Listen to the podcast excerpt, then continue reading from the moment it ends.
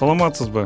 Эгер сизде акыйкатсыздык адам укуктары бузулган учурлар мыйзамсыздык тууралуу сунуш пикирлериңиз болсо жөнөтүңүз азаттыктын whatsapp жана telegram номери нөл беш жүз элүү тогуз жүз сексен сегиз жети жүз элүү беш. Азаттыкка бишкектик мирлан аттуу ишкер кайрылган ал казакстандын базарларында иштеп тапкан акчасын такси айдоочусу аркылуу бишкекке салганда айдоочу анын акчасына кошуп дагы жыйырмадан ашуун адамдын каражатын кумар оюндарына уткуруп жибергенин айтат дордойдон казакстанга товар ташып жумуш кылабыз да. Анан ошол жактан биздин кичине болор болбос печенеттер менен тапкан тыйыныбызды таксисттерден бул жака салдырабыз. Передача катары кылыпчы анан таксисттер келгенде бул жактан биз таксисттерден алып дордойдон товар алып кайта салабыз отправка кылып.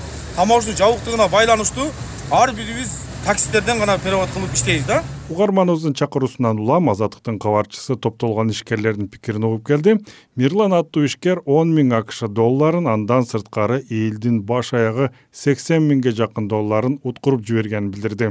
Ишкерлер эл өнүктүрмөк аркылуу бийликке жана парламент депутаттарына кумаркана маселесине көңүл буруп коюуну суранышат. Ошол перевод болгон акчаны таксист алып келип туруп могул жака алып келип киргизген им лично биздин акчабызды. Бул жака алып келсем бул жак утуп алган таксисттен полный акчаны үч сааттын ичинде эле утуп койгон дейт да. Биз ушул жерден мыйзамдуулукту талап кылып атабыз да.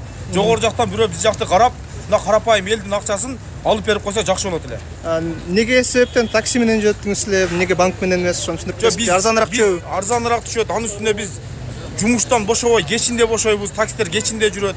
Ошон үчүн таксиге бергенбиз да акчаны. Канча киши жабыркап жатат? Эми толук суммасын таксисттердин санын билбейм эмен адамдардын. Көп адам жыйырмадан нары болуш керек э? Лично мен жабыркадым. Сиз канчага жабыркадыңыз? Он миң долларга. Эме акчаны уттуруп ийди деп жаткан киши э, кандай жооп берип атат? Сиз менен байланышка чыктыбы акчаны уттуруп ийдим деген кишиге биз жолуга элекпиз инилерине мына туугандарына жолуктук. Булар ошол инибизди ушундай бирдеке ичирип ошентип өзүн башкара албай ошол жака уткузуп койгон деп атышат.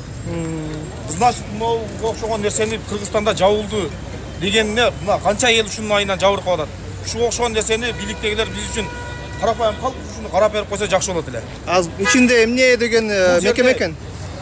билбейбиз да ичинде эмне деген мекеме экенин казинобу же бир ушундай бир кумарканабы ушундай ким эч ким билбейт да ичине киргизбейт экен. Ичинде камераларды сурасак иштебейт дейт.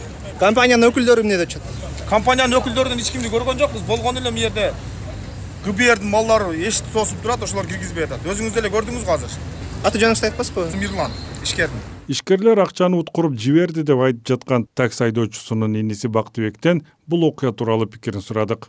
Каяктан уттуруптур эмнеден уттуруптур именно волпойны деген ошо элдин акчасын уткурган. Бир күнүн ичинде. Ошондо сиздин агаңыз э? Эмне болуп иштечү эле казакстанда бир аз товар ташып эме болуп жатчу мини мини машинамененчи анан жарандардын акчасын менин түшүнүшүмчө өткөрүп берем деген экен э? Ошону сүйлөшүрдүм да негизинде. Өзүңүз байкеңиз эмне деп атат? Кандай түшүндүрүп атат? Өзүм азыр байке менен айтат ойноп атып дейт э, какой то бир чай алып келгенде чай алып келип чайды ичип дальнейший өзүм билбейм дейт да. Канча киргизгенин ошол колуна бар акчаны колун уже салып ийдим дейт ошо чайды ичкенден кийин өзүн жоготуп го э? өзүн жоготуп мындан ары кадам жасаган атасыз милицияга кайрыласызбы же? Милицияга толук жок болуп атат го баарын эле свайилер болуп атат келет да камера иштебейт десе все таки бизден допрос алып кетип калат дальше. Кайсы камера иштебейт ичиндеги камера иштебейт экенби иштебейт да через акчаны уткуруп жиберди деп айтып жатышкан турбо трейд жоопкерчилиги чектелген ишканасынын уолкоин криптовалюта биржасы деген аталыштагы мекеме бишкек шаарынын жибек жолу ибраим көчөлөрүнүн кесилишинде орун алыптыр мекеменин өкүлдөрү бул окуя тууралуу жооп берүүдөн баш тартышты. Азаттык бул темага дагы берүүлөрүндө кайра кайрылат. Эл үнү whatsapp номерине москва шаарынан абдимиталип кожомуратов пикир калтырган. Ал коомчулукту жаратылышты таза сактоого жайыттарды сарамжалдуу пайдаланууга чакырат. Ошондой эле угарманыбыз жаратылышты сактоо боюнча мамлекеттик саясат чабал деген пикирин кошумчалады. Сууларды сакташтын жолдорун айта ушу айтайын дедим эле. Сууну сактоо керек кыргызстанда. Жана ошондой эле жаратылышты сактоо керек. Жаратылыш көктөм болуп турса жакшы болуп турса баардыгыбыз көктөмгө чыккандан кийин өзүңүздөр деле билесиздер сиздер дагы көктөмгө чыксаңар жашыл тоо жашыл адырларга жашыл тоолорго чыксаңыздар эмне чыгат сиздер эми музыка чыгат туурабы. Музыка чыкканда адамдын өпкөсү кеңейет. Адамдар эч кандай оору болбойт. Экинчиден жерден чыккан таза булакты кудай берген таза сууну сактоо керек. Ал сууну сактоо үчүн бизге нымдуулукту сакташыбыз керек. Ал сактоонун жолдору жолу бир гана. Элди кыйнабайсың элдин жайтын алып бак тигем деп алдап бир жака сатпайсың жакшы жүрөсүң да жөнөкөй эле жер нерселер. Ошол нерселерди айтайын деген пикирим ушул. Ошол пикирлерди жазып абылгазиев премьер министр болуп турганда дагы алып келдим эле. Берип коебуз деген боюнча бербеди же өзү алса деле ыргытып жибердиби иштебеди иштебеди да кыскасы. Азыркы бийлик дагы менин көзүм жетпей калды жаратылышты сактап кетишине. Жаратылыш жакшы болсо ыр күлкү болсо адамдар уюмдуу болот. Баардыгы ыр күлкүсү жок жаратылышы начар суусу чөлгө айланып бараткан жер боло турган болсо адамдардын баардыгы бузуку болуп кошоматчу болуп сабаксыз болуп баардыгы жаман жолго барып кетет. Ошолдуктан биз эң биринчи адамзат болуп жаралгандан кийин жаралган ошо жаратылышты карашыбыз керек. Аты жөнүм кожомуратов абдимуталип маматович. Жалал абад облусунда турамын. Бүргөндү айыл өкмөтүндө. Азыркы иштеп аткан жерим москва шаарындамын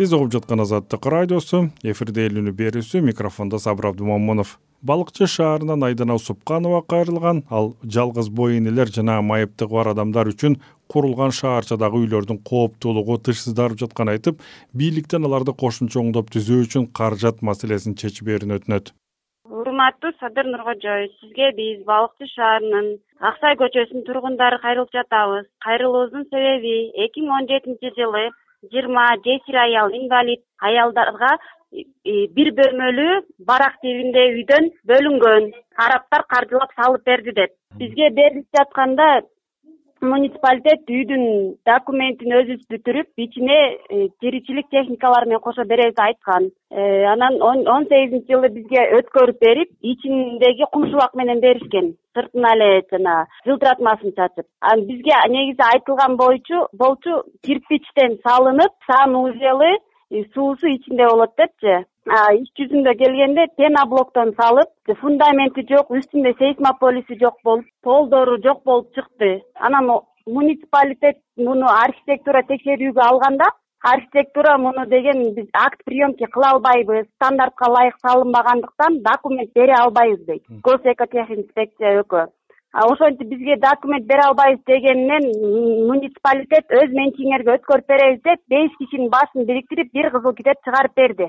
Үч сотоктон иш жүзүндө биз деген жер тилкесинин ээсибиз үйдүн ээси эмеспиз үй жок да документально алганда. Анан биз ошо мейли үйдүн ушундай салынышына деле макулбуз.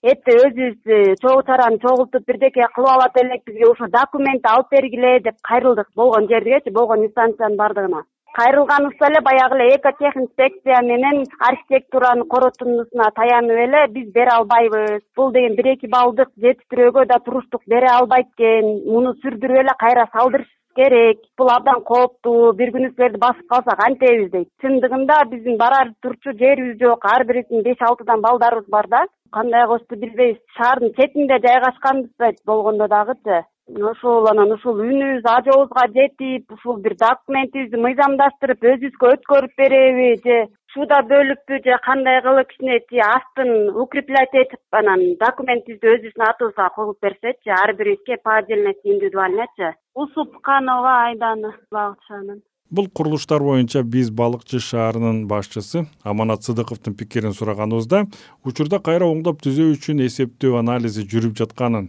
андан соң каржылоо булактарын издөө жүрөөрүн билдирди.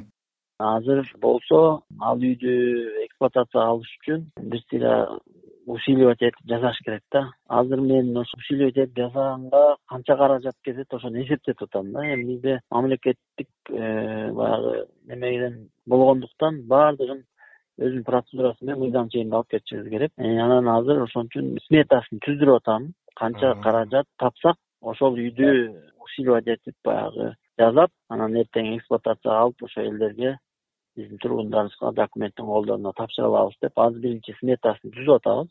Сметасын чыгарып бергенден кийин анан ошо каржы булактарын карап каяктан ушу мыйзам кандай жол берсе ошо каяктан каражатын бөлсөк ошол үйдү оңдоп түздөп ушул ошол жердеги жыйырма үй бүлөнүн ушул тагдырын бир бир жаңсыз чечип салыш керек болуп атат да. Буюрса жакын арада могу он сегиз жыйырмаларында сметасын бүтүрүп беребиз дешкен. Анан кийин ошого жараша дагы биз өзүнчө консилиум кылып сүйлөшүп каржы булагын каяктан бөлөбүз.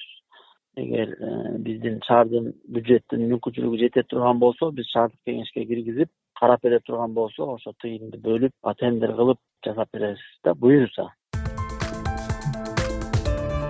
кийинки угарманыбыз өзгөн районунун куршап айылынан жергиликтүү аялдар комитетинин төрайымынын орун басары соня осмоновага байланышка чыккан. Ал ысырапкерчиликти тыюу боюнча атайын жобо иштелип чыкса деген сунушун жолдойт. Ысырапкорчулук боюнча эртерээк бир чечимди берип колго бергиле мына баардык жерге элдер азыр немеде болуп атат? Баягы бири ону кылат бири муну кылат баш айланып бири соет бири сойбо дейт ошого окшош болуп атат. Анан кийин ушул немени жобону президенттин берген жобосун айткан немени? Бир түрдүү кылып баардык жерде бирдей иштей турган кылгыла дедим экинчи жана балдардын пособиясы боюнча мисалы токсон сегизинчи жылкы машинасы бардын жогору жагы төлөйт анан ылдый жагы эмески машинага болгон үчүн анан төлөбөйт алиги машинага телевизорго холодильникке карап төлөйбүз деген гап бар го. Анан ошону төлөйт деп калды. Анан мен ошондо туруп ушуларды айттым да эми. Кыскасы менин өзүм деле оюм деле ошол. Балдарды пособиядан кыспагыла бай детейге карабай иштеген иштебеген келинге карабай бергиле иштеп атат экенсиң деп пулун кыспагыла деген мааниде айттым да. Себеби кыргызды эмнеге кантип көбөйтөбүз? Анан ошол шарт түзүп берсек келиндерге. Анан акчаны берип турсак ошолор кыйналбаса баккандан кыйналбаса баланы көбөйтөт да анан бага албаса кантип көбөйөт кыргыз? Мен осмонова соня өзгөн району куршап айылынанмын ошону менен элүүнү уктуруусун жыйынтыктайын бизге тема сунуштап пикир калтырыңыз. Байланыш үчүн whatsapp жана телеграмдагы номерибиз нөл беш жүз элүү тогуз жүз сексен сегиз жети жүз элүү беш. Элдин пикирин топтогон мен сабыр абдымомунов эсен туруңуз